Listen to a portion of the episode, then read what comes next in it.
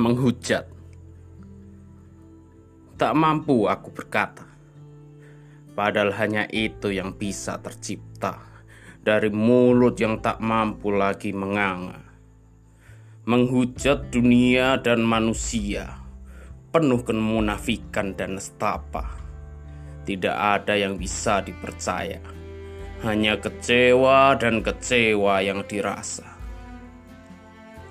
sampai akhirnya hanya hamba, hamba yang tercipta.